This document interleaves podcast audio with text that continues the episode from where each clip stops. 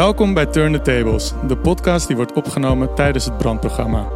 Het brandprogramma is onderdeel van het internationale theaterfestival Brandhaarden, dat dit jaar in het teken staat van Female Voices.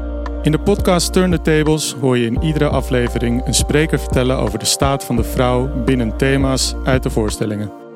Vandaag staat Turn the Tables in het teken van de staat van de vrouw als moeder en luister je naar Jan de Mosselman, schrijver van het boek Al die liefde en woede.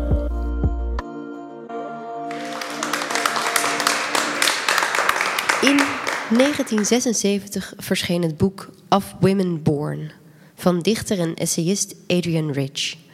En in de inleiding beschrijft ze hoe ze het lang vermeed om terug te denken aan de jaren van zwangerschappen, geboortes en het prille leven van en met haar kinderen.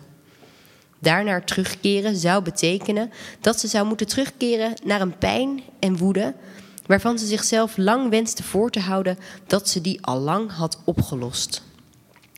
Elke herinnering, herinnering eraan weggestopt. Moederschap, schrijft ze, was het meest ambiguë, onbegrijpelijke en pijnlijke wat ze ooit had meegemaakt. Ze beschrijft moederschap als een plek omgeven door taboes en valse bewoordingen. En het duurde een tijd voordat ze daarover kon schrijven. Ze wilde sterk genoeg zijn en voldoende zeker van haar liefde voor haar kinderen, voor ze dat deed.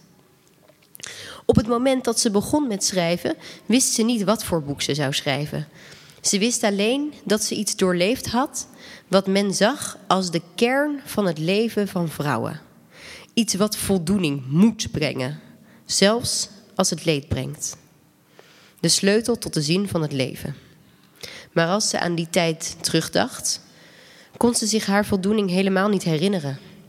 Wel de ongerustheid, geestelijke moeheid en de, ik citeer haar hier, momenten van gepassioneerde liefde en de vreugde die haar kinderen haar met hun bezielde lichamen en geesten brachten. En haar bewondering voor hoeveel ze van haar hielden, hoewel zij er niet in slaagde om ten volste en onbaatzuchtig van hen te houden.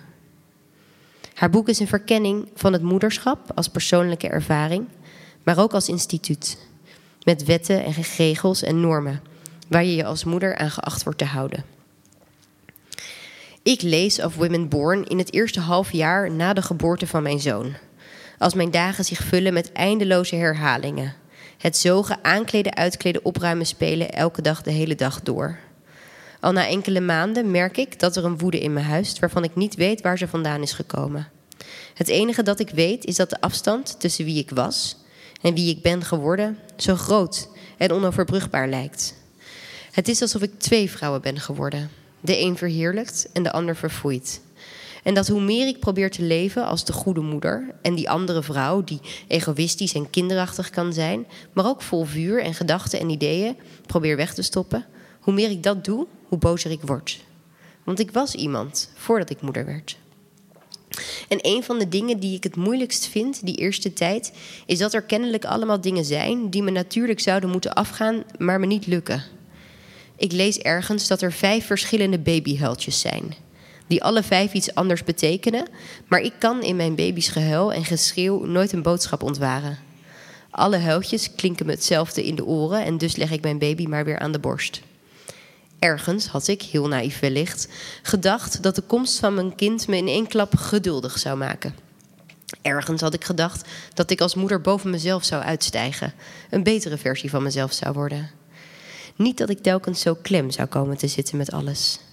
Niet als, dat ik als een opgejaagd dier door de stad zou lopen, stuurs, soms per ongeluk expres tegen iemand aanbotsend, die ook na mijn herhaaldelijk beleefd vragen niet even aan de kant gaat voor mij en mijn gigantische kinderwagen.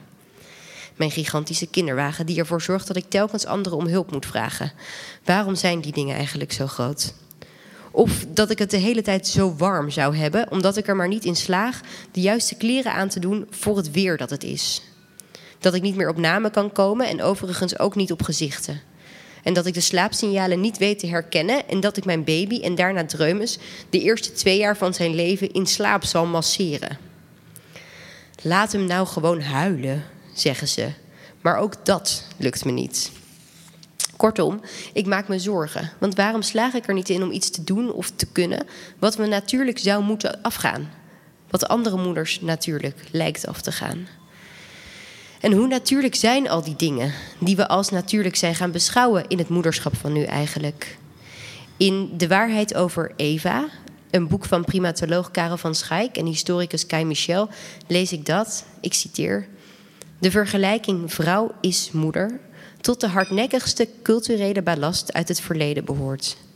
Ze ligt diep verankerd in de tweede natuur van veel mensen en maakt dat de samenleving nog altijd krampachtig reageert op alle diversiteit in zaken seks en gender van onze tijd.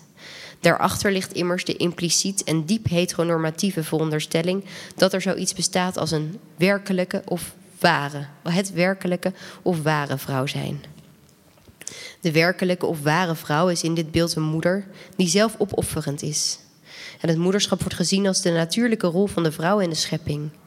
Je ziet dit ook terug als je hoort hoe er gereageerd wordt op vrouwen die zeggen geen moeder te willen worden. Als ze jong zijn, zegt men: Oh, dat verandert nog wel. En we geloven de vrouw die zegt dat ze geen kinderen wil niet op haar woord. We twijfelen aan haar zelfkennis en zien hen niet als autonome denkers. Terwijl één op de vijf vrouwen geen moeder is.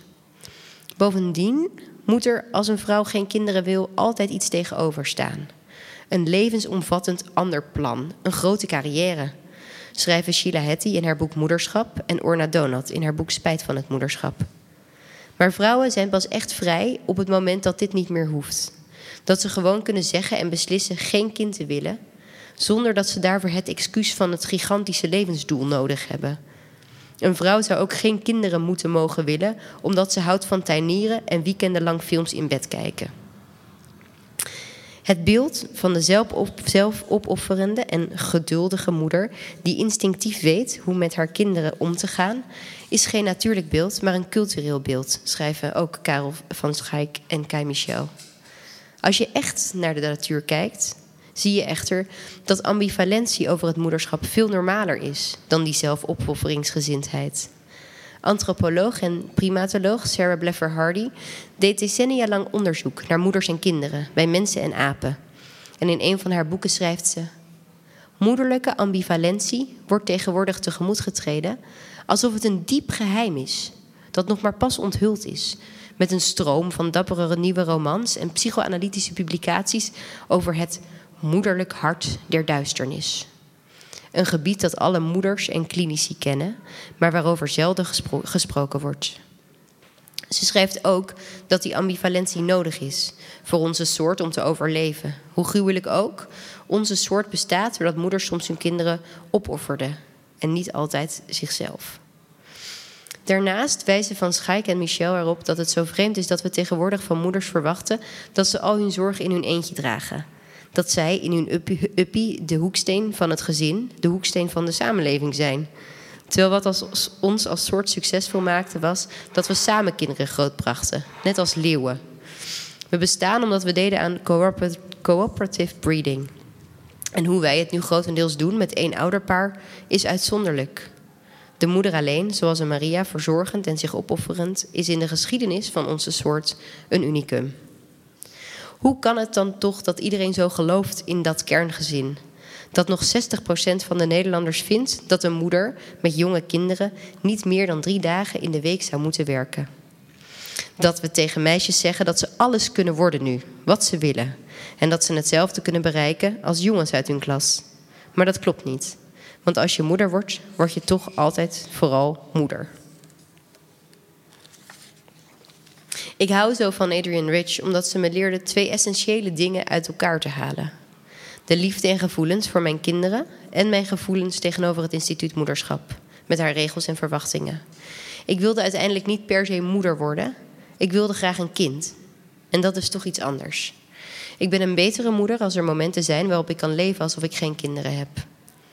Door moederschap te zien als instituut maakt Rich het moederschap iets waartegen je in verzet kunt komen. Ze maakt het iets wat we kunnen afbreken om het vervolgens opnieuw in te vullen. Zodat we meerdere dingen tegelijk kunnen en mogen zijn. Dank u wel.